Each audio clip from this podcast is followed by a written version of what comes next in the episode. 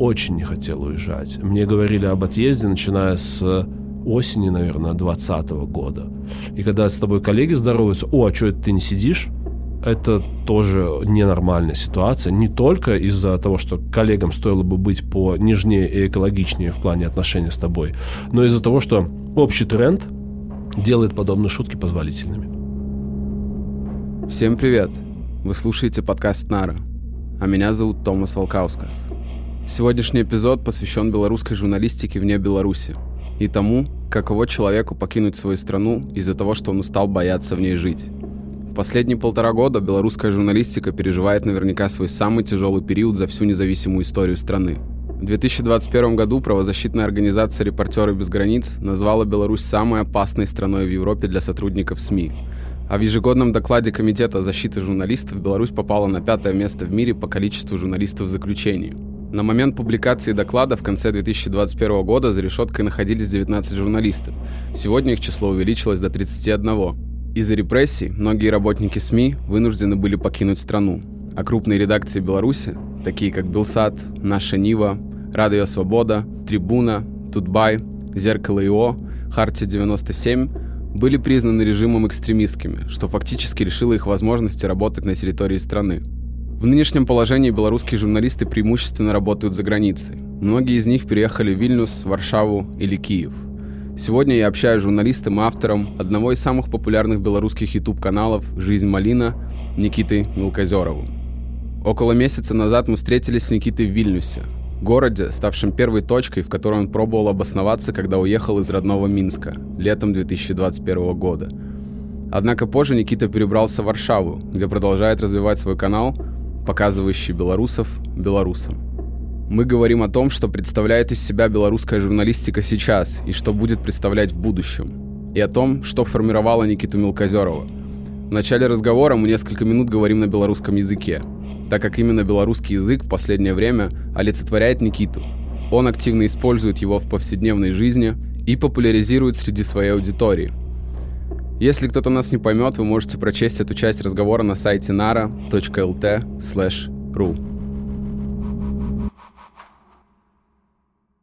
Прывітанне Мікіта вітанчыкі мы будзем размаўляць на беларускай мове э, некалькі некалькі пытанняў на беларускай мове мова Таму што я падумаў знаеш было ведаеш было бы як-то дзіўна я калі б я не спытаў табе э, пра матчную мову якую ты так актыўна прасоўваеш у апошні час і мне цікава чаму ты вырашыў размаўляць па-беларуску так как ты нагітуеш сваю аўдыторыю рабіць тое ж самае. Слухай, мне падаецца што у сітуацыі якая адбываецца ў нашай краіне калі у а, не тое што у нас толькі выбары скралі. Калі мне у меня есть такое адчуванне што а, калі гэта будзе доўжыцца той краіну нас крадуць то безумоўна трэба адстойваць нейкія там свае каштоўнасці. І калі ты апынаешься ў гэтай сітуацыі экстрэмальнай безумоўнай міграцыі ты разумееш напрыклад па-рускі кажучы ад праціўнага ты разумееш што ось пэўны час ты ў вільні што не хлопцы мы не такія як літоўцы мы крыху іншыя то бок. Потым ты у кіеве ты разумееш што там ну занадта много агрэсіі для нас то бок уся гэтая цепланя душэўна ўсё гэта падабаецца але мы крыху крыху іншы пасля ты ў варшаве ты разумееш што там мы сябе любім але крышачку менш крышачку не неяк больш экалагічна. І ў гэтай сітуацыі ты разумееш што мы дзякуючы гэтай эміграцыі можемм фармуляваць якія мы разумець наши асноўныя адрозненне ад суседзяў і зразумець якія мы калі мы не змаглі гэта зрабіць за 26 27 гадоў якія там намі кіру кіраваў лукашенко. Ці за ось увесь гэты час нашай незалежнасці а, таму мова гэта асноўная каштоўнасць якая дапамагае. І калі мы напрыклад кажам пра тых жа літоўцаў мы разумеем ну як яны прасоўваюць свае гэта маленечкая маленечкая насамрэч краіна але яны паважаюць сябе. І мне падаецца што ўсё гэтым жыцці жыцці пачынаецца з павагі да сябе. То бок калі ты разумееш як паважаць сябе цябе лягчэй раз, разумець і паважаць сваё атачэнне сваіх суседзяў іншых людзей увогуле. Таму мова павінна быць сексе я лічу.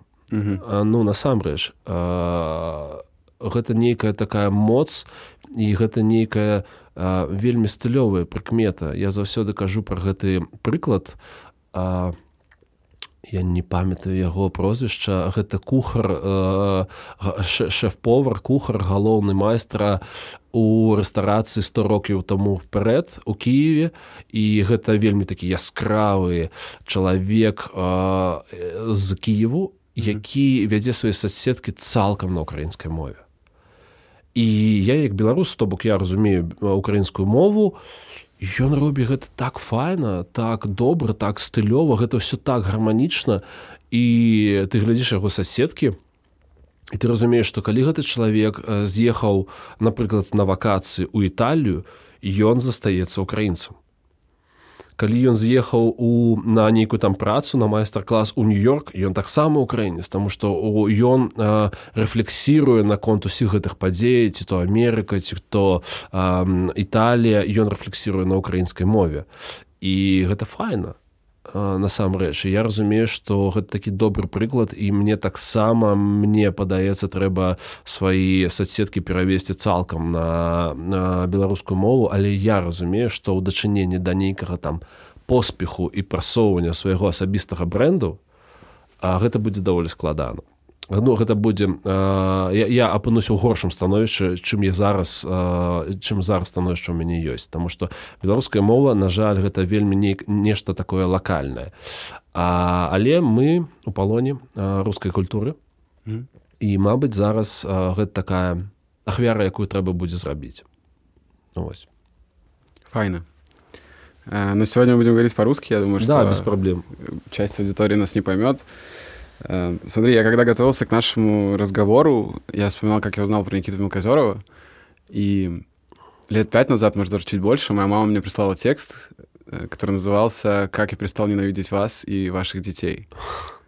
И она прислала это с такой идеей, что э, ей было интересно тебя читать, она много смеялась, а я как-то даже на нем сосредоточился, может, даже его не прочитал, потому что, ну, не знаю почему, просто э, такое вполне вероятно. Однако сейчас я его опять нашел, и текст вообще о твоей трансформации, о том, как ты э, поменял свое отношение к чужим детям, и в том числе и о том, что общество совсем не обязано давить на родителей, потому что те, в свою очередь, давят на детей, а они вырастают с проблемами и так далее. И понять тебе это помогла история твоей мамы, которая рассказывала, как вы летели в самолете из Хабаровска э, в Минск, когда ты был ребенком.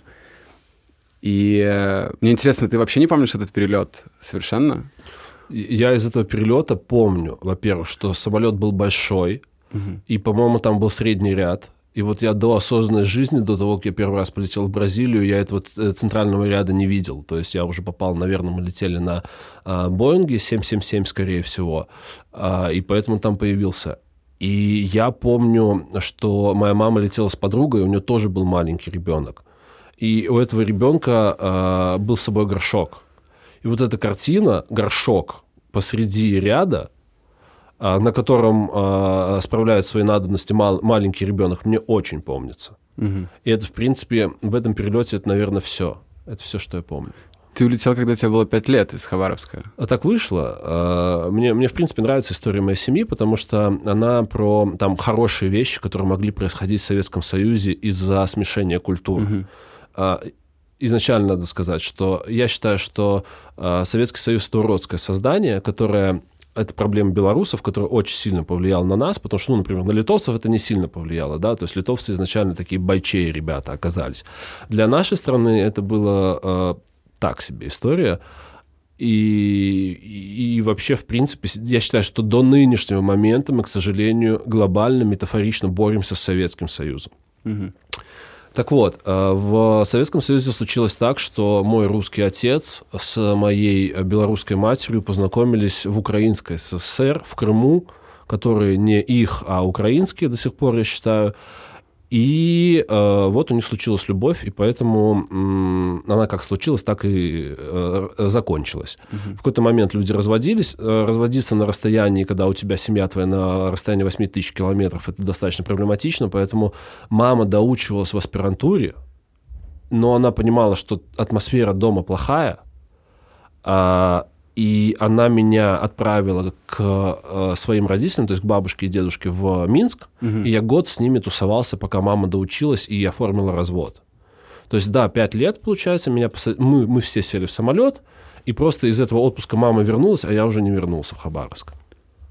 Если ты помнишь там условно э, средний ряд в самолете, то наверняка какие-то воспоминания о русской жизни твоей остались. Какая, какая это была жизнь? Русская жизнь. Ну, о жизни в России. Да, да, да. Не, не, не русская красиво звучит, но когда ты слушаешь, слышишь русская жизнь, то я спал, спал на медведе, э, надевал свою ушанку по утрам и ел э, икру. По поводу икры, э, мама рассказывает, что в ординаторской у них стояла банка трехлитровой икры, mm-hmm. открытая, с в, вторгнутой ложкой, которую никто не ел. Ну, потому что там это было нормально, там этого было много. А, я помню, что это была однокомнатная квартира, а, по-моему, аэродромная улица, а, потому что дед мой оказалось, что он был военным летчиком. Бабушка моя была заведующей офицерского детского садика. И, ну, то есть, такие приблотненная семья. И э, у бабушки в садике я учился. Я помню, что в садике я там однажды э, упал и поранил себе голову батареей, и бабушка устроила какой-то верхол очень большой, там, там был большой скандал. У бабушки был классный, красивый кабинет с полками, и на одной полке стояла красивая очень э, детально выполненная пожарная машина. Я периодически приходил, просился с ней поиграть. Вот. Э, Хабаровске я помню, что действительно там было холодно, по-хорошему холодно, и вот эта атмосфера большого двора, в котором обязательно заливается коробка э, mm-hmm. зимой, я ее тоже прекрасно помню. То есть пацаны старшие, они в нее играли. Какие-то атрибуты русской жизни – не знаю, не очень помню, но я, я так понимаю, что отец после комсомольской своей карьеры, он был председателем Хабаровского комсомола, его даже показывали на советском телевидении, он после этого решил стать бизнесменом, и поэтому машины менялись достаточно часто. Это было нормально. И а, тоже печать такая именно азиатской жизни, это были праворульные машины, очень часто. Вот с такими эмоциями а, у меня, наверное, связан Хабаровск. Но это очень, конечно, неосознанно, фантастически неосознанно. Угу. И потом был Минск, угу. 51-я школа да. в центре города. Э, Директор мой, кстати, Виктор Васильевич Пшиков, э, был замечен на протестах. И как бы при том, что он обеспечил нам такое, казалось, очень суровое детство, я сейчас э, вырос, я ему очень благодарен, и очень, и очень меня радостно, что э, у чувака нормальная позиция. Я mm-hmm. помню, как он... Э, у, у нас был дресс-код в школе. А, то есть это не была форма школы, это был а, обязательный там гарнитур, костюм, а, пиджак и все эти дела. Он очень не понимал пирсинги и так далее и тому подобное. У меня было два огромных цыганских кольца в, ух, в, в ушах такие. И он все обещал мне их вырвать, и как-то просто надо было скрываться от него, когда ты в школу приходил. Вот. Короче, колес нету, а, образование какое-то дано. Не, я сейчас думаю, кстати, про колось. Я думаю, может, у меня кризис среднего возраста, что я возвращаюсь к своим подростковым каких-то вещам. А вот, но я, короче, кайфую. Что ты хотел спросить 51-ю школу? Что школа была в центре Минска, был футбол. Угу. Э, были театры, в которые ты ходил вместе с мамой. Угу. Какие это были театры, какие спектакли вы смотрели? Смотри, это, это очень интересный момент. Эм, я очень благодарен матери в плане какого-то влияния. Я понимаю, что оно было не очень насильственное, вот, э, но ты растешь в атмосфере постсовковой, а, где вот это все объединение очень сильно давит там на волю. То есть в этом есть какой-то момент выживания.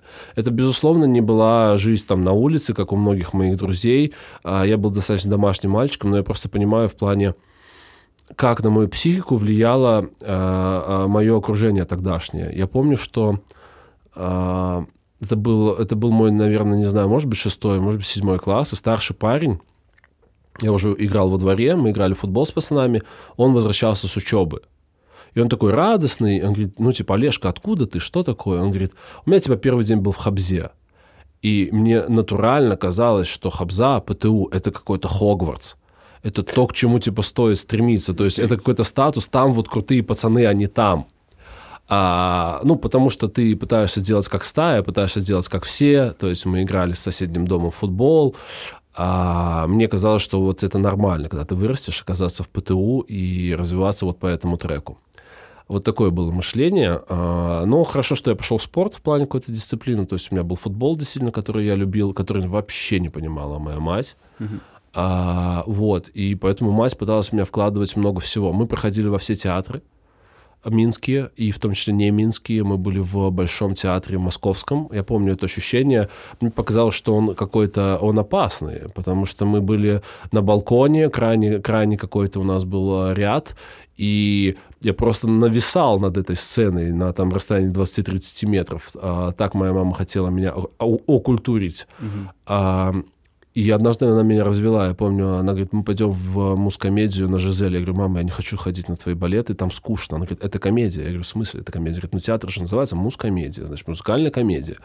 Ну, когда я понял в третьем акте, что они, или во втором акте, что они танцуют уже на э, кладбище, то, в принципе, осознал, что меня развели. Угу.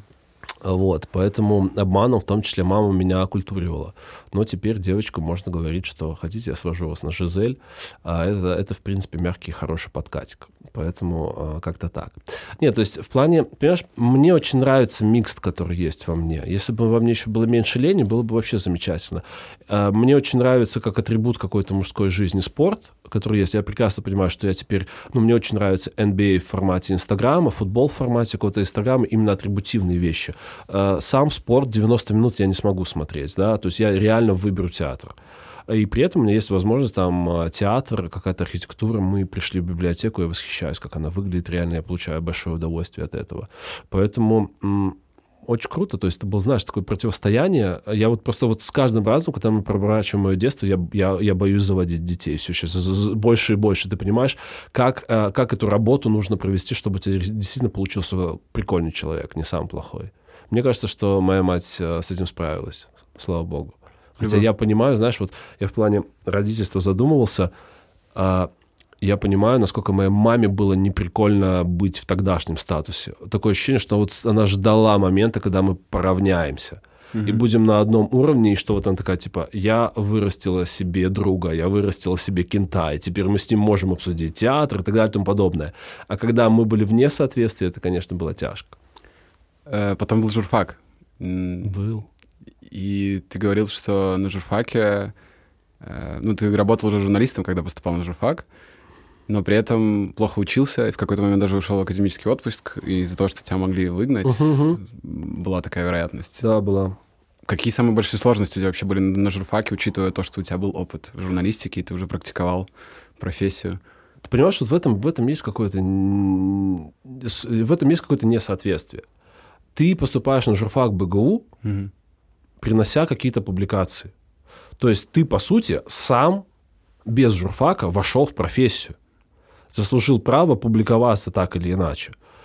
А, и вот на этом контрасте, а, на этом несоответствии возникает куча вопросов. Тем более надо понимать, что ты очень молодой человек. У тебя там гормоны, у тебя максимальная свобода, первая в твоей жизни. И у тебя очень много претензий к журфаку. Понимаешь, журфак не секси. Это плохо в плане того, что э, вузы должны создавать ощущение статуса. В Беларуси вообще проблема с высшим образованием. Когда ввели платную форму обучения, то элитарность его, она пропала.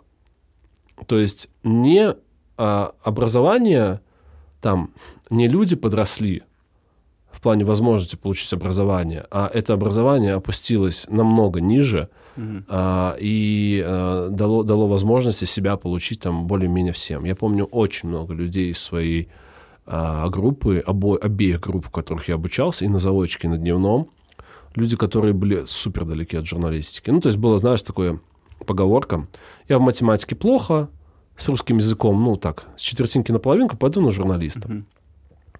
Это плохо.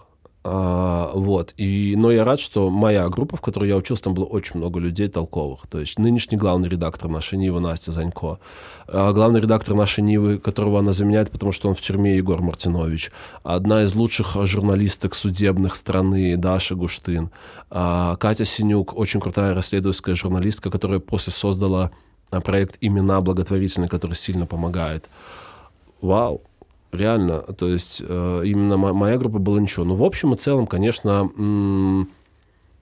контингент был такой сбродный у нас. Люди не очень любили и хотели эту профессию. А когда уровень высшего образования не создает мотивации за него цепляться, ну, потому что что ты с этой коркой будешь делать? Угу.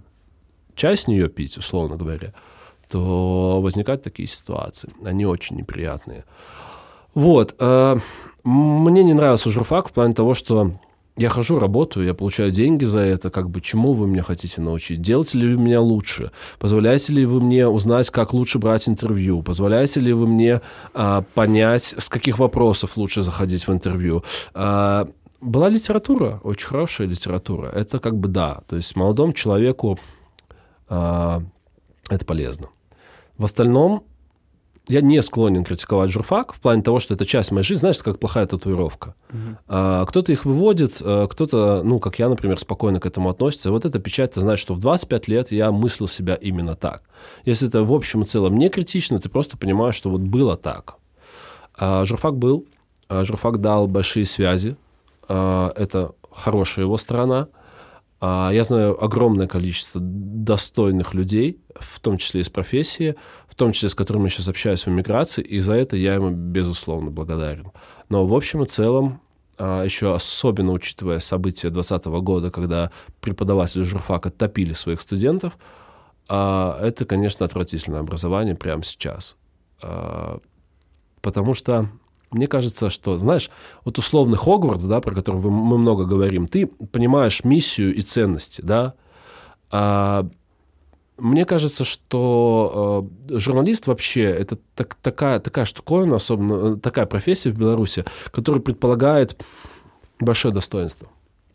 И вот это достоинство, важность его, э, в том числе должен был бы прокачивать журфак. Ну, то есть, если, знаешь, в среде э, ПТУшников, ты думаешь о том, что важно быть там, как важно поступить в ПТУ, угу. то и журфак какой-то общ, общностью своей, да, мог бы транслировать некие ценности. Он их не транслирует, к сожалению. В этом есть проблема. Литература. Ты говоришь, э, что литература всегда была, ну, там, преимуществом журфака. Да. Довлатов тоже, Любовь Довлатову журфака идет, или это началась она раньше? А, слушай, я помню, что... Я не помню, изучали ли мы конкретно когда-нибудь, обсуждали ли с преподавателями Довлатова. Я понимаю, что в среде, в которой я общался на журфаке, Сергей Донатович был а, видной фигурой. И в какой-то момент, а, когда в Минске еще а, существовал выставочный центр на Янке Купала, и там была книжная ярмарка, я просто пошел и купил себе эту книгу. И я помню несколько ощущений в моей жизни, когда я понимал, что книга влияет на тебя. А, это вот тот день был один из, я около скверика а, подле а, театра оперы и балета. Я сел, раскрыл эту книгу, и я просто понял, какое это слово, какое это мощное слово русское именно, то есть с русским языком. То есть мне кажется, что из э, старых русских писателей он был максимально близок к современности, потому что было лаконично, очень емко, а, и там соло на Ундервуде, либо соло на IBM, это же просто сборище классных твитов, по сути. Поэтому Довлатов это, это вау. А, такие же потрясения у меня, наверное, были связаны с Чаком Палаником. Я помню свой второй, что ли, курс, когда я открыл колыбельную, я ехал домой на 29-м автобусе, который еще останавливался около некогда финской заправки, и мне нужно было идти домой пешком через а, железную дорогу. Она в Масюковщину, она тогда еще была открыта. Я помню, что я открыл, почитал 20 страниц, у меня начиналась сессия на завтра, я понял, что я ее завалю потому что я буду читать. А, мне очень нравится его подход к творчеству. Чувак просто свои какие-то идеи, придумки, предметы, которые его вдохновляли, а он формировал из них он их складировал в шкаф специальный. То есть у него был шкаф, где он быстро мог найти свои записи, свои какие-то вещи. То есть он складировал прикольные фактики. И надо понимать, что вот и непосредственно Паланик, э, э, тогдашний, да, с которого писался там бойцовский клуб, э, с которого писалась та же колыбельная, а это очень много прикольных деталей, в которых ты растворяешься. И они создают объем твоего повествования. И поэтому, в принципе, вот его этот прием, много разных деталей, я забирал, наверное, из Паланика. И поэтому в интервью мне всегда было важно, чтобы человек, грубо говоря, словами описывал это все максимально подробно, как, что происходит, для того, чтобы ты представлял э, эти картины и максимально проникался той атмосферой. Это очень круто. Сам русский язык в плане стиля, а, потому что я прекрасно понимаю, когда ты журналист, иногда скорость играет много большую роль, чем красота твоего слова.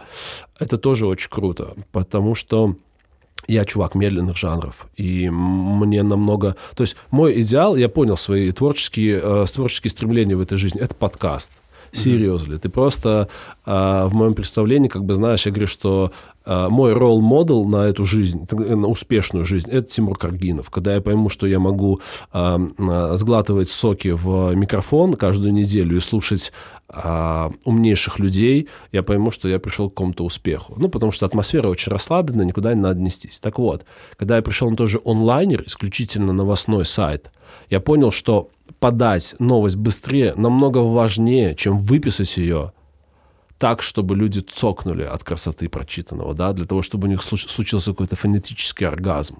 Но это круто, это важно. И я понимаю, что люди начитанные даже говорят намного лучше, да, то есть когда ты слушаешь людей, как они тебя завораживают. Если мы Каргинова вспомнили, тот же Коняев. Просто mm-hmm. это человек с огромной головой данных, и ты кайфуешь.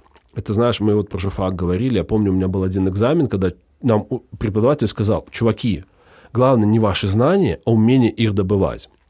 Звучит очень круто.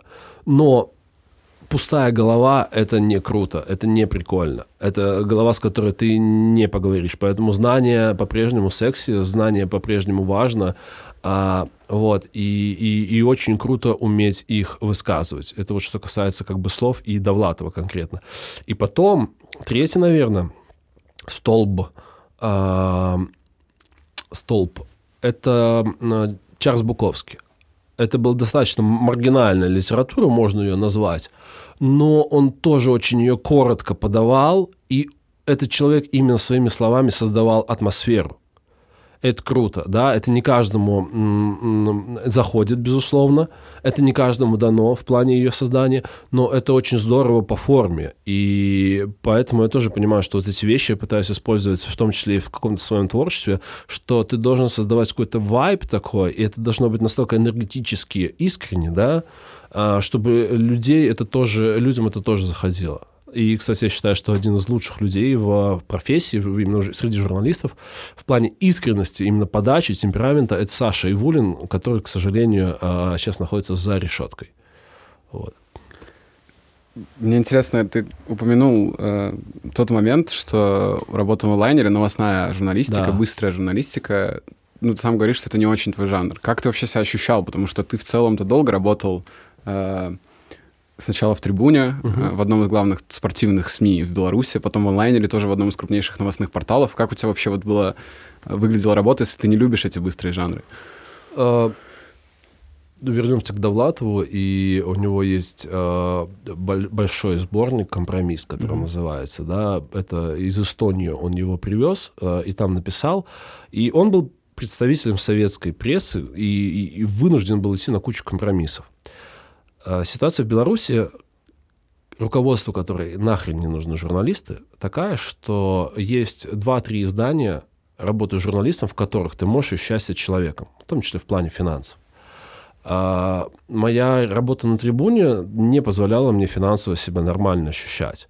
Плюс нужен был какой-то там вызов новый. Поэтому я прошел на э, онлайнер, где у меня э, возникло понимание, что ну, если ты нормальный профессионал, хороший, то ты должен хорошо стоить. А работать бесплатно э, это непродуктивно на дистанции. Вот, поэтому ощущал я себя так, что, ну, я сам сделал, принял это решение, и как бы мне не было тяжело, я должен там это делать. А, поэтому, да, я писал новости, как бы мне ни было сложно, но просто в какой-то момент, когда уже появилась малина, когда а, я стал более решительным, а, когда я понял, что на это в том числе тоже можно жить, я перешел уже в какие-то свои отдельные вещи, и теперь происходит местами, пускай это очень сложно, происходят приятные для меня случаи, когда, не знаю, зеркало, например, ко мне обращается и просит написать колонки. То есть для меня в профессии это именно тот механизм, который должен работать. Ты представляешь из себя а, личный бренд, а, который волнует корпоративные бренды. И ваша коллаборация позволяет обоим чувствовать себя хорошо. То есть это не стыдно, это продуктивно, и это в плане бизнеса это тоже нормально. То есть ты получаешь за это какие-то деньги, тратишь на это свое время, вкладываешь, э, вкладываешь в это деньги. Поэтому вкладываешь в это эмоции и свое какое-то время, и получаешь за это деньги.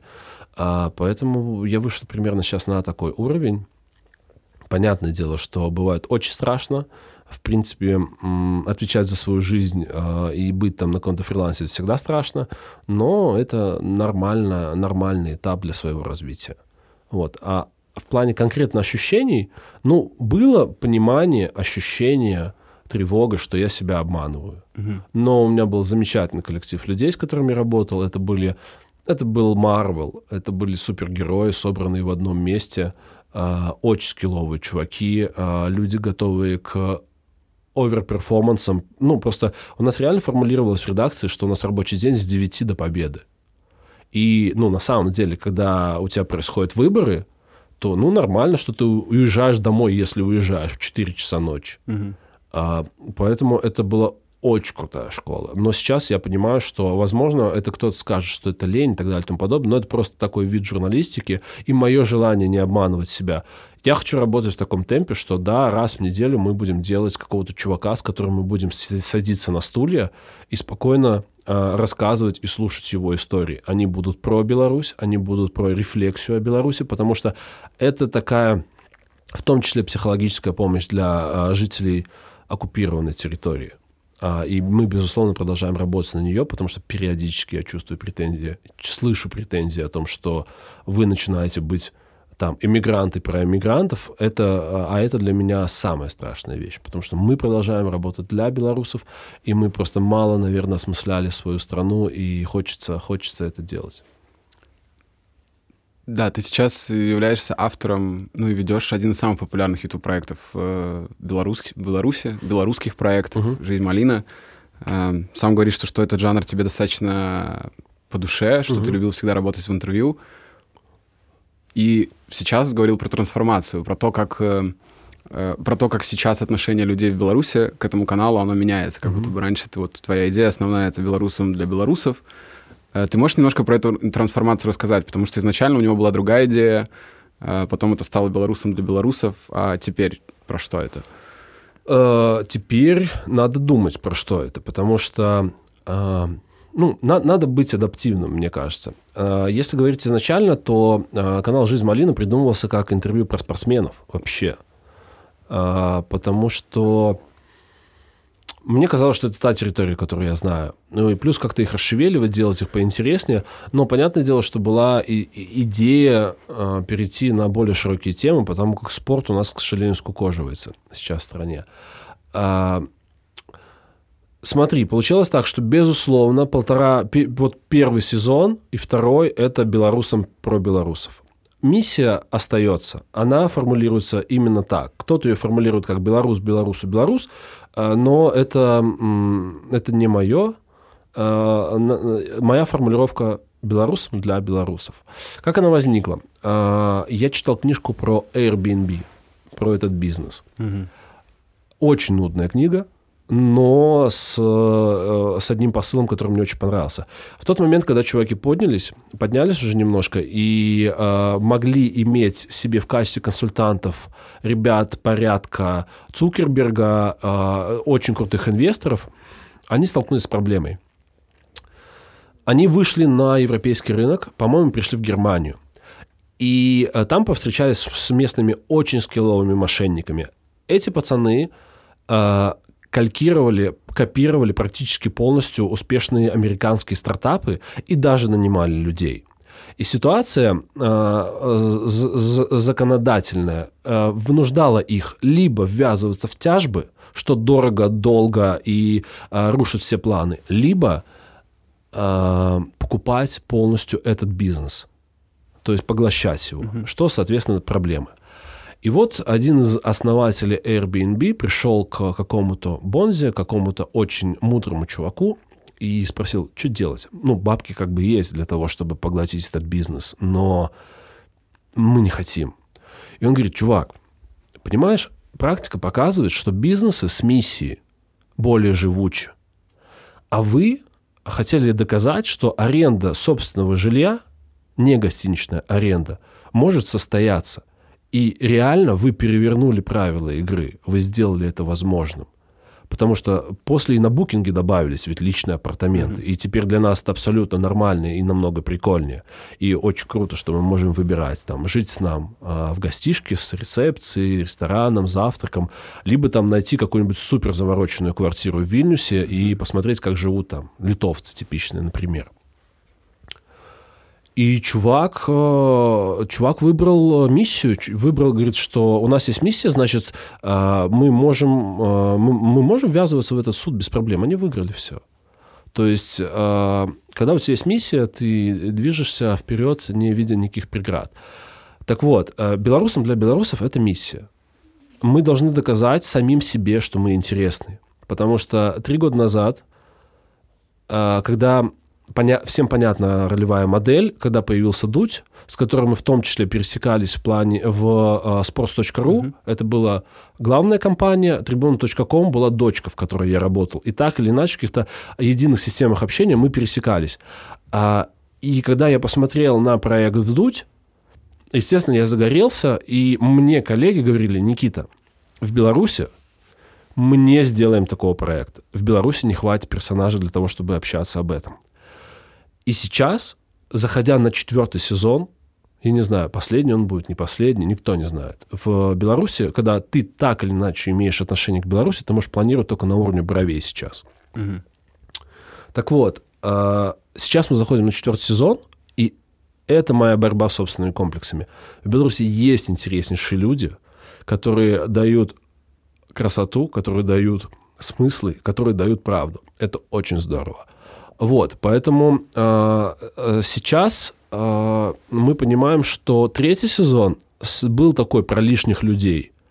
Он как бы идейно, он и остается про лишних людей.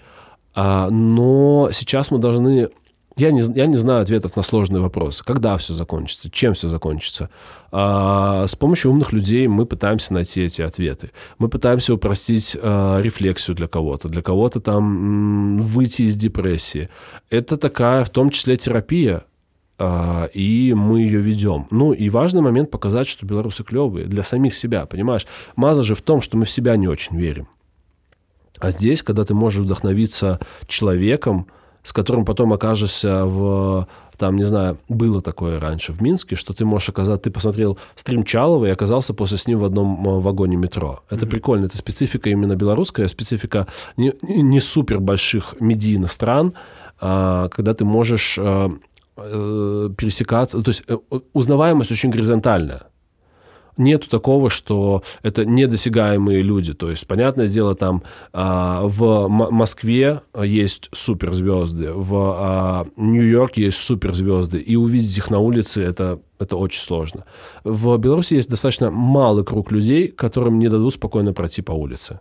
Поэтому наша локальная узнаваемость наших героев – это круто подойти, респектануть Ганни Северинец, или в Бресте было возможно раньше послушать а, песни Юры Стыльского на советской. Это на самом деле очень тепло и очень по-белорусски. Но этот проект это же не только про творчество. Я так понимаю, что твоя основная миссия творческая в канале Жизнь Малина. Но как тебе удается справляться с бизнес-стороной этого проекта? Мы не справляемся с бизнес-стороной проекта. Угу. А, нельзя справиться с бизнес-стороной такого проекта в ситуации отсутствующего медийного поля, которое еще и выкосили абсолютно. Э, ситуация очень простая. Я считаю, что э, я, во-первых, мы должны понимать, что я в команде не отвечаю за деньги. Это не мой проект. Mm-hmm. Это совместное творчество, снова-таки, личный бренд и какой-то глобальный бренд. Мы соединились, вот у нас есть цветение, которое дает такие результаты. А пацаны занимаются поиском денег я занимаюсь творческой составляющей. А, понятное дело, изначально все рассчитывалось на а, белорусский рынок и на компании, возможно, отделения локальные, местные отделения больших брендов, там, а, либо сотовые операторы, либо производители сотовых телефонов, кто угодно. И в той ситуации, когда мы начинали, это, этот расчет был оправдан. Ну, потому что нами реально начинали интересоваться, у нас была реклама, и мы бы могли начинать окупать проект. Сейчас когда мы сами находимся в серой зоне легитимности, достаточно сложно с кем сотрудничать. Хотя сейчас в четвертом сезоне у нас будет два выпуска с рекламой, а международный бренд к нам зашел, и это как бы хорошо. Это вау, это круто, что получается, это большой плюс нам, мы стали заметны. Поэтому да, мы не, ну, не то, что мы не справляемся, а просто мы переориентировали бизнес-модель, а, ну, сейчас просто нужно искать деньги, готовую сумму на то, чтобы мы знали, мы идем в четвертый сезон. Так все и происходит. Пацаны с этим справляются, я им очень благодарен за то, что я могу себя комфортно чувствовать и не размениваться на то, что, а, я не знаю, там, мне нужно найти камеры, мне нужно найти деньги на эти камеры и так далее и тому подобное. Каждый делает что-то свое и делает это классно. И в этом как бы смысл работы с нашей командой, от которой я очень кайфую. Ощущение, что то, что ты сейчас делаешь, это ну, прямо то, что тебе нравится, ты сам об этом говоришь, что, наверное, за 3-4 года в первый раз чувствуешь, что делаешь то, что по-настоящему любишь, э, ощущаешь себя хорошо, но в целом иногда, когда я тебя слушаю в разных интервью, у меня складывается такое впечатление, что ты э, часто подчеркиваешь, что ты там был плохим студентом, чувствовал себя не очень талантливым новостным журналистом, когда работал в онлайнере. Ощущение, что много у тебя рефлексий по поводу себя, своего творчества — и вот мне интересно, это такая ирония, которая тебе свойственна, или это больше про, ну, на самом деле, ты любишь себя критиковать, как это вот работает? Слушай, я думаю, что, в принципе, я главный проект в этой жизни для себя, и поэтому рефлексий по поводу себя действительно очень много. А я учусь быть ироничным к себе mm-hmm. а, и, и менее критичным. Да, то есть мы с тобой встречаемся э, на следующий день после, возможно, одного из самых больших интервью, которое было в нашем проекте, и я собой недоволен. Угу. Зверски. Потому что э, та форма, которая у меня была в конце там, третьего сезона, меня удовлетворяла. Да? Я знаю, что мы сделаем качественный продукт но я понимаю, сколько емкости мы не запом... не зап... я не заполнил в плане качества, да, то есть это могло быть лучше. А, то есть а, у нас был человек, у которого был очень ограниченный хронометраж. Я перетянул в начале. Я не задал достаточного количества острых вопросов. А, я, наверное, не создал ту атмосферу, в которой бы человек ко мне доверился. То есть вот такие вещи, они происходят так или иначе. Я понимаю, что э, психотерапевтически себя лучше не донимать. То есть это прошло. Я ничего не могу поменять. Надо подумать, что я сделал не так, и как-то двигаться вперед. Но э, я, да, я много про себя думаю, возможно, излишне много про себя думаю, но моменты, которые ты упомянул, мне подается, что это просто на самом деле правда. И то есть это момент тоже психологический, из-за которых, анализируя и признавая те вещи, я понимаю, что многое исправил и многого добился. То есть момент, которым я сейчас очень доволен, это первый этап моей жизни, когда я реально занимаюсь тем, что хочу. При том, что в общем и целом ситуация ужаснейшая. И вот посреди э, этой ситуации, когда тебе, у тебя нет права на свою профессию в своей стране, у тебя нет права находиться в своей стране, когда ты понимаешь, что планирование на уровне бровей, когда ты понимаешь, что э, в Беларуси был возможен казахстанский кейс, когда ты не понимаешь, когда это закончится, когда ты понимаешь, чем это закончится, когда ты понимаешь, что ты воюешь с Советским Союзом, и, то есть, возможно, для депрессии у тебя очень много, но в какой-то момент ты должен щелкнуть и понять, что даже в этой ситуации ты в своем отдельном маленьком мирке справляешься отлично. И поэтому, возможно, я перечисляю те моменты, свои какие-то предыдущие неудачи для того, чтобы понять, что я что-то многого добился и немножко попуститься, и не, не жрать самого себя. Я на финальном этапе своего пребывания в Беларуси, я повстречал очень умного человека, и он мне сказал, малый, не играй против себя. В ситуации, когда и так очень много вещей против нас, не и сам себя – ты должен быть все равно себе другом. И это э, очень важная часть. Я учусь. Я помню, что я впервые сформулировал для себя, что я сам себе не друг в Японии. Я оказался там на 13 дней, я не нашел компанию. И я 13 дней был во внутреннем диалоге. И я понял, что мне тяжело в итоге на день 12 11 и что надо эту дружбу с собой как-то наладить. И поэтому сейчас, наверное, процесс такой вот э, наладки дружбы с собой. Не знаю насчет принятия себя, наверное, я себя понял, но э, попытки действительно стать лучше. Хотя такие вот вещи, знаешь, в плане. Иногда все получается не так, как я хочу. Я очень сильно, я по подростковому расстраиваюсь этому. И я думаю, что вот вчерашнее интервью это та же история. Мгм. Хотя все в итоге будет хорошо. Ты работаешь психотерапевтом? Да. Но я бы... Да, наверное, это работа. Ну, На- Да, наверное, работа. Ну, она со мной работает, а я с ней болтаю. мгм. А, это такая важная вещь. Она у меня началась а, до всех событий, которые была в Мгм. Беларуси. А, у, меня был, у меня был сложный выход из отношений, и поэтому вот я обратился к специа- специалисту, потому что сам не увозил. А потом э, просто у меня такой, у меня гештальт-терапевт, многие критикуют их подход, а, но мне комфортно. А, Это тоже, кстати, критикуется в плане того, что тебе не, не должно быть комфортно с твоим псих- психотерапевтом, но тем не менее. И она окынет в том смысле, что она идет от клиента. Если у тебя там, условно говоря, у нас была магистральная работа, почему мне тяжело дается выход из отношений. Но если у тебя сегодня тебя бесит, что твой начальник, например, да, несправедливо на тебя а, там вызверился, то вы обсуждаете это. Поэтому понятное дело, что нынешняя белорусская жизнь дает ей и мне огромную пищу для размышлений. И через какие-то мелкие вещи э, я иду к узнаванию себя. То есть, когда там происходят какие-то вещи, какая-то глобальная критика, я понимаю, а мы разбираем эти компоненты. То есть, если мы возьмем, например, кейс с э, белорусской мовой, которую мы заявили, вкратце было так, что мы понимаем, у нас есть моя площадка, Инстаграм мой. Это площадка, которая в том числе продвигает мой личный бренд, соответственно, продвигает Малину. Вот, в этой ситуации э, нам нужно было какое-то взаимодействие с аудиторией. И мы предложили, если э, мо- моя инста наберет 30 тысяч подписчиков, то мы начнем делать выпуски на белорусском языке.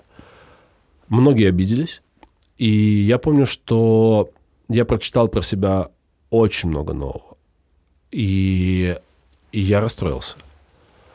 Но, э, разобрав все это с психотерапевтом, э, выспав все это, проанализировав, подождав, пока все сложится каким-то образом, я понял, что это было кайфово. На самом деле. То есть э, в итоге мы делаем выпуски на белорусском языке, в итоге мы пошумели. А, и в итоге я стал за счет этого сильнее и просто понимаю, что типа э, постоянно любить тебя никто не будет. А, твоя активность все равно будет вызывать э, энергию. И смысл в том, что ты ее создаешь. И это круто. Что вы уже становитесь той точкой применения, той точкой роста этой большой энергии, что вас замечают более-менее там все в э, какие-то активные слои Беларуси. И это кайф.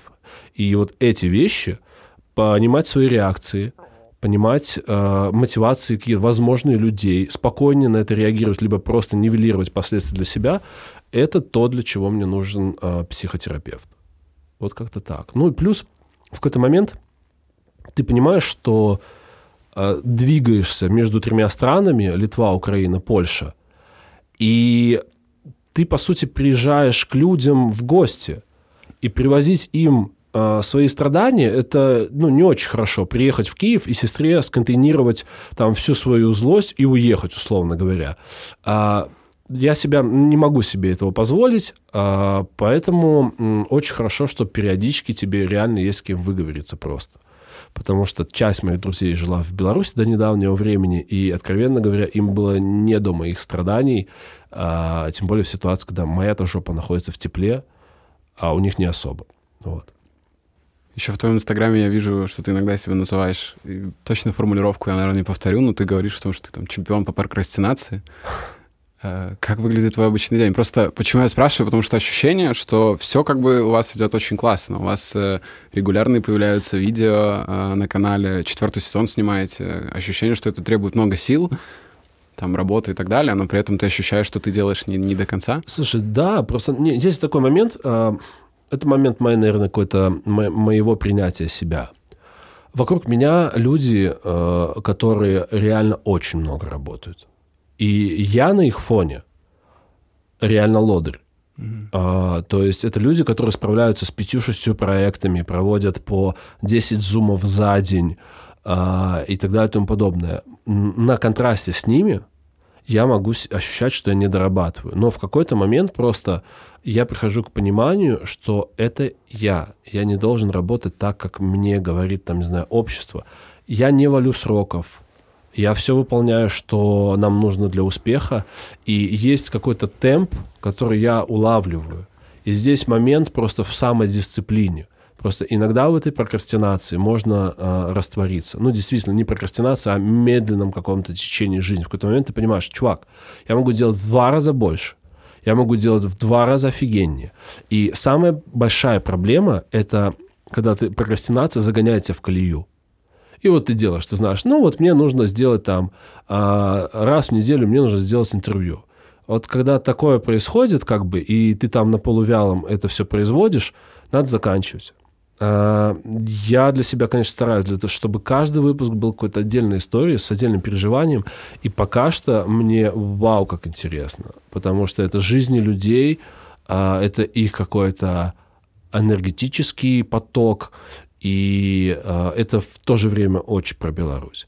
В плане прокрастинации я уверен, что мог бы делать больше.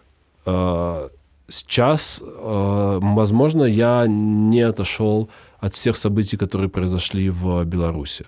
То есть не было времени все это осознать. Да? Когда у тебя события происходят реально со скоростью автоматной очереди, вылетают эти события, у, у тебя там нету шанса по этому поводу поразмыслить. Вот, наверное, я переживаю 2021 год, в котором у меня было, наверное, все, что может быть. То есть у меня было э, последствия 2020 года, у нас было развитие проекта, меня сбила машина, у меня умер отец, у меня закончились отношения, я уволился с работы, на которой мне было хорошо достаточно. А я уехал из Беларуси, да. То есть иногда мне кажется, что мне действительно хочется уйти в какой-то параллельный мир, чтобы меня никто не трогал. Но я знаю, что в этом мире есть много кайфов, которые мне нравятся, и работа — это один из них.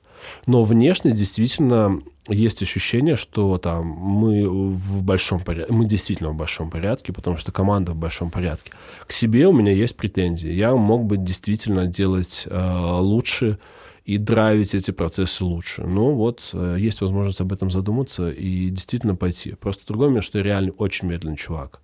Вещи, которые люди могут осознавать и делать вот сразу, угу. я буду думать, я буду их обходить. Моя нерешительность здесь, конечно, сказывается. Вот, поэтому нужно идти в этом направлении, безусловно, и как-то себя не ломать.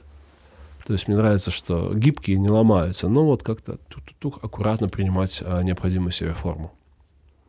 Мне еще интересно в контексте твоего внутреннего состояния узнать, вот ты говорил, что в своем недавнем интервью, по-моему, говорил о том, что ну, у тебя, я знаю, что у тебя есть бабушка, которая живет в Хабаровске, с да. которой ты общаешься через WhatsApp, она пишет тебе в Инстаграме, угу. вы с ней на контакте. Есть мама и бабушка, которые живут в Минске, угу. с которыми ты рос. И ты говорил, что твоя бабушка минская, она чувствует какие-то симпатии к режиму, она и батька. Как да. у вас в этом смысле вообще с ней коммуникация налажена, общаетесь ли вы, потому что... Ну... Слушай, это эмоциональная коммуникация в плане того, что я ее внук, а она моя бабушка.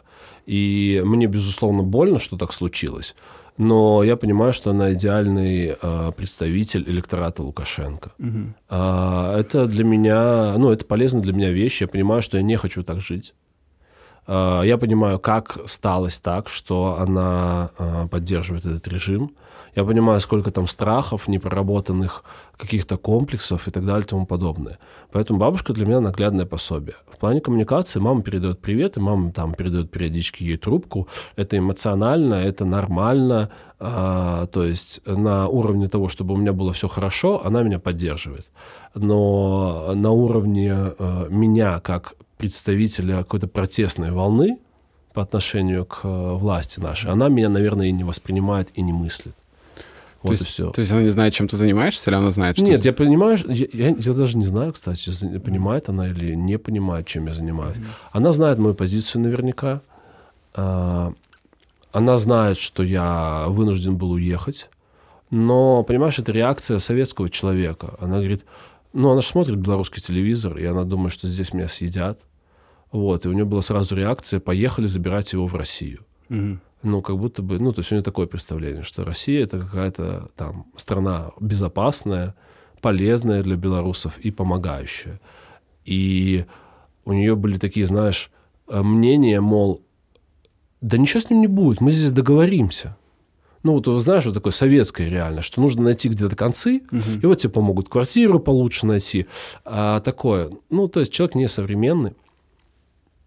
Мне жаль, а, но я ничего не могу поделать с этим. Но при этом я понимаю, что я не обязан любить свою бабушку, но она моя бабушка. Как бы. Она изначально хорошо ко мне, а политическая ее позиция на это ну, не очень влияет. То есть, условно говоря, если это были романтические отношения, понятно, я мог бы из них выйти. Угу. А бабушка всегда будет моей бабушкой, поэтому я ей благодарен за влияние на меня. То есть в, большинстве случаев от противного, что я так делать не буду, но тем не менее у меня был какой-то пример.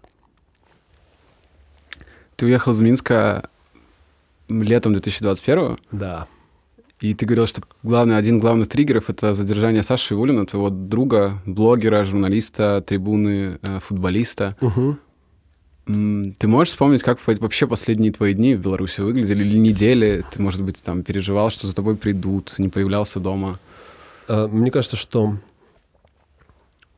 э, во-первых, наверное, не очень правильно говорить, что друга, потому что вот я реально знаю Сашиных друзей, это люди, которые много с ним проводили время. Угу. Мы с Сашей коллеги, мы с Сашей э, э, приятели, знаешь, в польском языке там э, словом коллега и коллежанка обозначаются в том числе и не только люди, с которыми ты работаешь, но и люди, с которыми ты приятельствуешь. Вот мы, наверное, были коллеги в польском смысле слова. Но я просто понимаю, в какой-то момент я понял, какое влияние, в том числе творчески на меня оказывает Саша Ивулин. Саша один из пионеров современного белорусского ютуба, и мы с ним двигались... Вот энергии он очень много дал, в том числе нашему проекту. А Саша при этом отличный парень, а, с которым у нас были там и игры за сборную журфака по футболу. А сборная журфака по футболу много страдала, а когда мужчины коллективно страдают, они все-таки проникаются друг к другу. Угу. И поэтому у меня к Саше огромное уважение. А что касается дней до его задержания, ты знаешь, это был странная очень эмоция. Мне показалось, что я устал бояться к тому моменту. И у меня до того случился пиковый момент, когда я купил билет в Киев, прилетел в аэропорт и на стойке понял, что я не сделал ПЦР.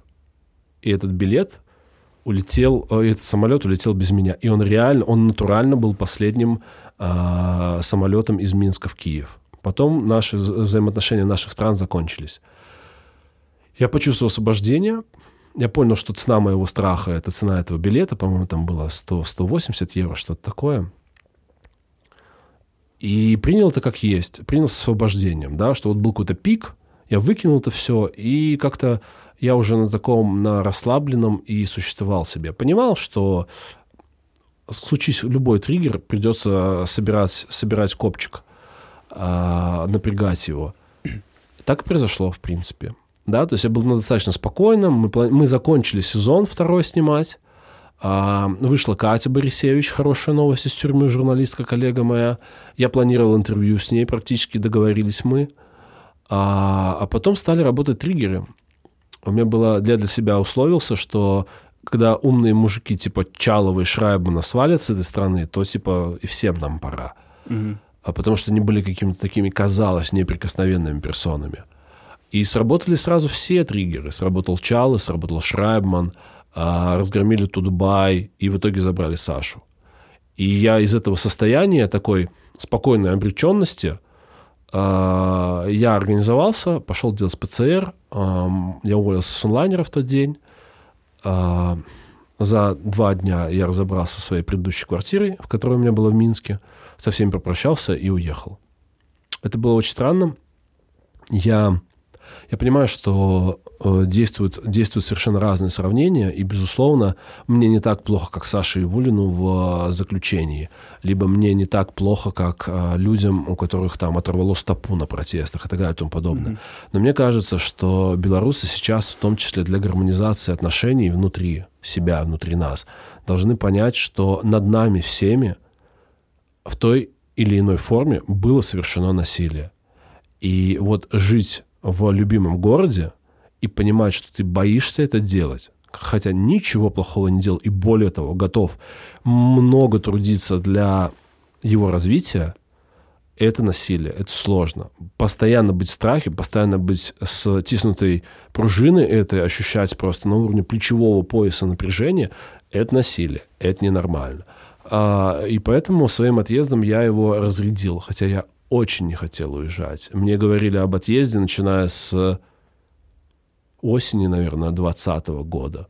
И когда с тобой коллеги здороваются, о, а что это ты не сидишь? Угу. Это тоже ненормальная ситуация. Не только из-за того, что коллегам стоило бы быть по нежнее и экологичнее в плане отношений с тобой, но из-за того, что общий тренд делает подобные шутки позволительными.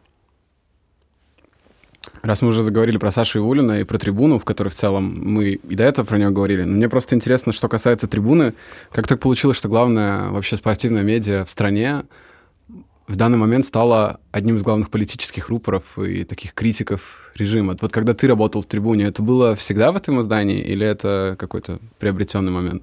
Слушай, э, позиция э, на перемены в трибуне была всегда. Угу. В трибуне работают очень крутые ребята.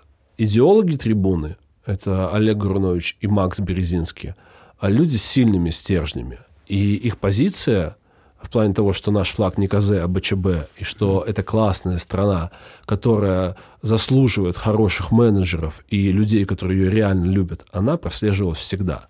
Просто триггеров, которые позволяли бы сыграть, э, так четко обозначить свою позицию, безусловно, не было. Ну, а в той ситуации, когда по ребятам стали валить со всех орудий, там уже играться в какие-то приличия они посчитали недолжным. Поэтому это классная метаморфоза.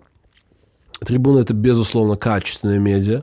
Трибуна — одно из редких медиа, которое реально зарабатывало по классической бизнес-модели для журналистики. Они продавали рекламу, привлекали своим контентом пользователей и, и реально хорошо себя чувствовали. То есть онлайнер — это работа на э, каталоге, Тутбай, работа на хостинге. То есть там, были, там, безусловно, тоже был хороший бизнес, но там была очень сильная э, подложка и подушка безопасности. У трибуны получилось это сделать без таких вот мощных основ. И это это выдающиеся медиа для страны, это медиа, которое уже вошло в историю, а, и это очень честное медиа, в плане своей позиции. Безусловно, иногда становится душно от политики на спортивном сайте. Безусловно. Но это выбор ребят, и время военное. Э, при этом как бы ты можешь найти там все, что хочешь. Если ты умеешь просто настраивать какие-то фильтры и пользоваться трибуной. Ты хочешь читать про белорусский футбол, ты будешь про него читать. Mm-hmm. Очки голы секунды к тебе придут, аналитика у тебя есть. А, и все лучшее, все самое важное про спорт все равно собирается там. Поэтому ситуация прикольная, и ну, я очень хочу тех времен, когда трибуна снова будет писать исключительно про спорт. Вот.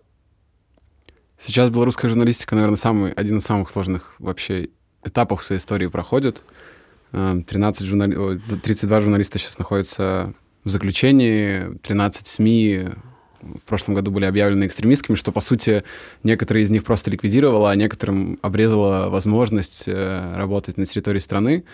И в этой связи каким ты, какой ты видишь вообще будущее белорусской журналистики? Потому что я знаю, что это немножко такой спекулятивный вопрос, но смысл в том, что как будто бы сейчас много медиапроектов происходит, да, даже вне зависимости от того, что происходит внутри страны. Mm-hmm. Там есть такие люди, как ты, есть телеграм-каналы, есть там журналисты, которые работают дистанционно.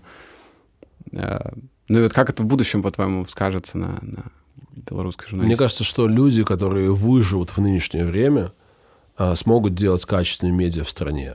Э, ну, день, день, когда заработает Тутбай, надо делать государственным праздником, реально. Потому что это уникальная медиа для страны. И, безусловно, мы его заслуживаем. Я считаю, что, ну, безусловно, проект, например, «Жизнь Малина» — будет чувствовать себя стократно лучше, если получит возможность э, работать на своей родной земле. Я прекрасно понимаю, что моя влажная мечта делать кино про наших э, великих людей, да, в том числе проводя эти какие-то ценности и историю, потому что свое надо знать, но и делать это не в ура-патриотизме, что смотрите, какой Машеров был замечательный, метро нам построил, а рассказывать, что тогда происходило, что это была гонка с каким-то русским городом, я не помню, каким-то за это метро, что он присоединял деревни, угу. это присоединение потом повлияло на, а, в том числе и население, и настроение вот, э, это, это, это э, население повлияло и на, на людей, и на состав этот э, горожан. И, ну, это прикольный момент, это очень многослойно, и это хочется делать. И понятное дело, что фильм про Машерова надо начинать не в Вильнюсе, mm-hmm. его надо начинать в его родной деревне, она находится на территории страны. Билсад, который сейчас, как мне кажется, классно справляется со своей повесткой, делает все уже очень долго из-за Беларуси. Если им вернут их корреспондентский пункт в Беларуси, они будут делать качественно. Маланка Медиа родилась в Вильнюсе. Они тоже делают очень неплохо. И, а, понятное дело, на родной земле они будут там а, делать все намного-намного интереснее. Вот. Наша Нива а, тоже очень крутое медиа, белорусскомовное, с белорусскими сенсами. А мне тоже хочется, чтобы они были в Минске. Я считаю, что понятное дело, что, возможно, будет становиться еще хуже. Я смотрю, что, безусловно, иногда не хватает финансирования, иногда не хватает времени, чтобы сделать качественнее, но все стараются. Все очень сильно стараются. И я понимаю, какое у меня уважение сейчас к коллегам. Это такая сложная профессия. Мало того, что ты должен справиться со всеми своими психологическими моментами, так ты еще и должен подать какую-то объективную информацию, да, для того, чтобы это не было там тенденция там а, супер против Лукашенко. Все mm-hmm. понимают свою гражданскую позицию, но ну, надо понимать, что есть какой-то все-таки э, журналистский стандарт, и как его там можно делать э, без, без набросов, назовем это так. Поэтому появляется много разных медиа, ну, что касается набросов, появляется много разных э, медиа разной степени там э, отстраненности, э, либо вовлечения в протест – и это здорово. Пускай цветет сто цветов. Люди, которые хотят смотреть реальную Беларусь, пожалуйста. Люди, которые хотят смотреть продукт, не знаю, зеркало, например, пожалуйста. Жизнь малина, come on. Наша Нива делает ток. Очень благодарен ребятам за то, что они делают. Телебудка есть проект по интервью. Кайф. Давайте, пускай она становится больше, давайте развиваться, давайте реально чудить конкуренцию и делать себя лучше мне хочется верить в то, что все будет хорошо. Mm-hmm. Я прекрасно понимаю, что э, если там... У меня очень... Я минорный чувак, но я учу себя жизнелюбию. И я понимаю, что если рационально рассматривать ситуацию, то э, это, это Хиросима после взрыва, да, э, объективно, да, и эта ситуация очень сложная. Но мы в профессии сейчас настолько скилловые, что мы в этой ситуации продолжаем делать качественную работу, и дайте нам нормально э, ощущение своей земли под ногами, она будет еще круче. Ты сейчас живешь в Варшаве? Я сейчас живу в Варшаве.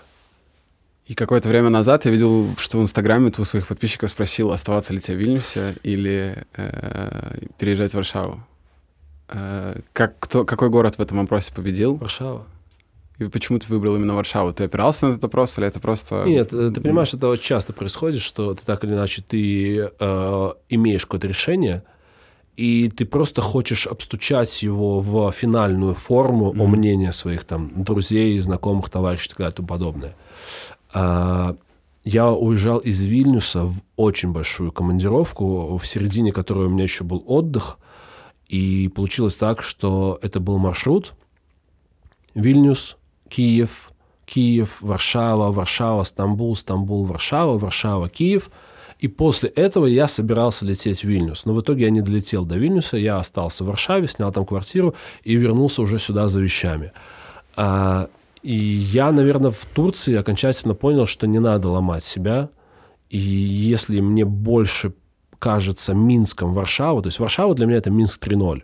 Это город, в котором мог, мог вырасти бы Минск, а если бы им а, не управляли безвольные чиновники, а люди, которые действительно его любят и хотят как-то его развивать и делать круче.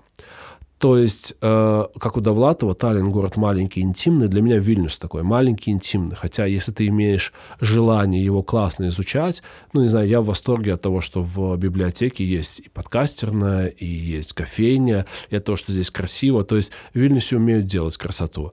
А другой момент, что белорусской энергии все-таки побольше в Варшаве. И ты можешь выстраивать, я не знаю, 7 17 вечеров подряд, где ты, когда ты будешь встречаться с белорусскими людьми. А в Варшаве а, все попроще с ценами. Угу. Это важный момент. А, потому что когда ты уезжаешь в иммиграцию из Беларуси, а, ты понимаешь, что у тебя сокращаются доходы автоматически, и ты в любом случае живешь в стране, в которой дороже, чем в Минске. Киев дороже, Варшава дороже, Вильнюс дороже. Но Варшава в этом смысле, в плане соотношения цены и качества, она такая более подходящая. Плюс э, язык, э, который понятнее для нас. Ну и что касается языка, понятно, что там украинский, там он наиболее понятный, но в Украине а для меня слишком много суеты. Mm-hmm. Я очень люблю Украину, я, я очень люблю их тепло, я очень люблю их душевность, я очень люблю ощущение праздника, но я понимаю, что для меня та интенсивность, она э, с головой, ее многовато. Ритм Варшавы примерно средний между Вильнюсом и Киевом меня устраивает на данный момент полностью. В последнем своем интервью в Маланке ты говорил о том, что э, свою иммиграцию считаешь психологическим насилием в отношении тебя. Да. И что чувствуешь себя одиноко достаточно в миграции. Есть такое. Чего тебе больше всего не хватает, когда ты живешь вне дома? А, ты понимаешь, а, я периодически там зумюсь, а, либо созваниваюсь в Телеграме со своими а, друзьями, но я не имею возможности пойти вместе попить с ними кофе. Угу. Я не имею возможности просто встретиться и погулять. И я, я понял, что и мне нужен, нужен человек рядом со мной для того, чтобы любые отношения с ним поддерживать, будь то романтические, будь то дружественные. И расстояние, конечно, очень сильно влияет. То есть вся эта тактильная история, вся эта вещь про запахи, какие-то ощущения, энергию человека, она очень важна. Поэтому э, иногда, очень часто, иногда или очень часто, достаточно часто в Варшаве происходит так, что я оказываюсь в большой компании крайне приятных людей, интеллектуальных, веселых, скилловых, полезных мне в плане какой-то информации э, и очень добрых. Но я понимаю, что это как смотреть, э, это как вот на, на лэптопе своем э, загнать э, яркость экрана на середину. Угу. То есть ты понимаешь, что он может быть намного ярче по ощущениям, но что-то пока что не то происходит. Возможно, мы еще не сдружились. А, возможно, а, меня, на меня просто давит какая-то ностальгия. Хотя я прихожу к выводу, что это уже неправильно, что нужно перестраиваться. Потому что, например, Минск и ту грусть и тоску, которую я несу по нему, меняется. Это уже другой город. Это не тот город, из которого я уезжал в июне 2021 года в январе 2022 года это принципиально другой город. То есть я скучаю по своим воспоминаниям, но я же владею своими воспоминаниями, и, соответственно, я могу сам регулировать этот момент. И поэтому моя тоска — это тоска ради тоски, это нерационально очень много злости в том моменте, э, о котором, о котором ты упомянул. Я не хотел уезжать. Там действительно много злости, там много несправедливости.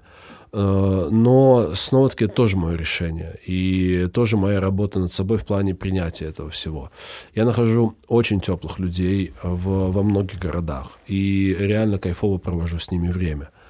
И э, надо понять, что нема того, что раньше было и не только понять, но и принять это. Не только там головой в плане интеллекта, интеллектом я это уже все понимаю, но и своим естеством. И тогда, безусловно, станет э, намного проще и намного кайфовее, потому что все равно, что бы с нами ни происходило, счастье — это основная цель нашей жизни, основной ее смысл в моем представлении.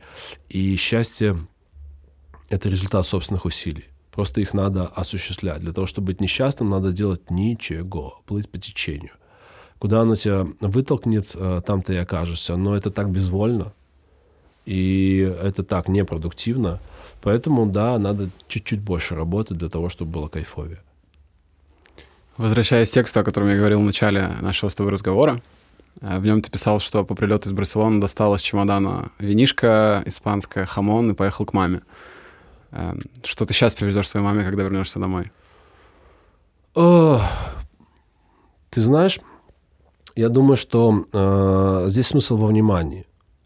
И э, я не говорю о том, что я могу там э, прислать маме бутылку воды, условно, да, mm-hmm. и булочку, которую меня кормили в самолете, и она будет счастлива. Нет. А, здесь, э, наверное, смысл в том, что мама моя понимает, что я совершил какую-то работу. То есть я ходил, выбирал, я думал о ней. И вот эта, эта мысль, это понимание будет ей очень приятно. А я думаю, что вино будет, вино это красиво так или иначе, это хорошая форма. Со сладким не знаю, вот, возможно, какие-то крема будут.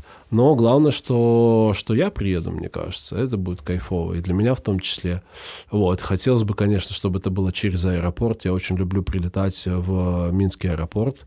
Я считаю, что там реально должны запустить какую-то белорусскую музыку на прилет. Когда-то было, когда из России прилетаешь, «Молодость моя Беларусь» они крутили. Безусловно, там текст нам нужен какой-то немножко другой, но именно вайб того, что ты приехал домой – это кайф. И ты выходишь в город, ты садишься а, на маршрутку до Уручья, ну, потому что надо же экономить, а так дорого. Ты садишься на дешевую маршрутку до Уручья, оттуда уже заказываешь себе машину. И вот именно этот въезд в город через деревни, в, а, в Минск, когда ты въезжаешь в Ручи, он очень кайфовый. Такое вот ощущение, что ты приезжаешь на свое место. Это просто кайф на самом-то деле. И Э, я, безусловно, мечтаю об этом моменте. Возможно, его романтизирую, возможно, излишне его романтизирую. Но это будет кайфово, конечно. Вот. Приеду, поговорим, обнимемся и будем строить уже какую-то новую жизнь. Надеюсь, это будет скоро. Я тоже на это надеюсь, но а, надо понимать, что нельзя становиться заложником а, этой надежды она должна быть на подкорке автоматически, но а, все может быть очень плохо, а может быть очень хорошо. Но в любом случае, в зависимости от того, что ты выбрал, я выбрал того, что все будет кайфово. Mm-hmm. А, нужно прилагать какие-то усилия для того, чтобы не терять качество, для того, чтобы приближать эту новую Беларусь а, так или иначе. И тенденции, и процессы, которые происходят вокруг в плане людей, в плане энергии, очень большого качества, которое они выдают, меня радует, безусловно. Спасибо тебе. Спасибо тебе. Такой наш эпизод сегодня. Спасибо, что были с нами. Спасибо моему коллеге Денису Веясу, который подготовил фотографии для этой публикации. Денис фотографировал съемки интервью Никиты Мелкозерова со Светланой Тихановской. Приглашаю вас посмотреть эти фотографии на нашем сайте nara.lt/ru. Спасибо Кате Битовт за запись нашего с Никитой интервью и помощь в работе со звуком в Национальной библиотеке Мартина Самажвидеса в Вильнюсе а также благодарность композитору Мартинесу Гейлису за музыку в этом эпизоде. С журналистом Никитой Милкозеровым общался я, Томас Волкаускас. Спасибо и до встречи. thank you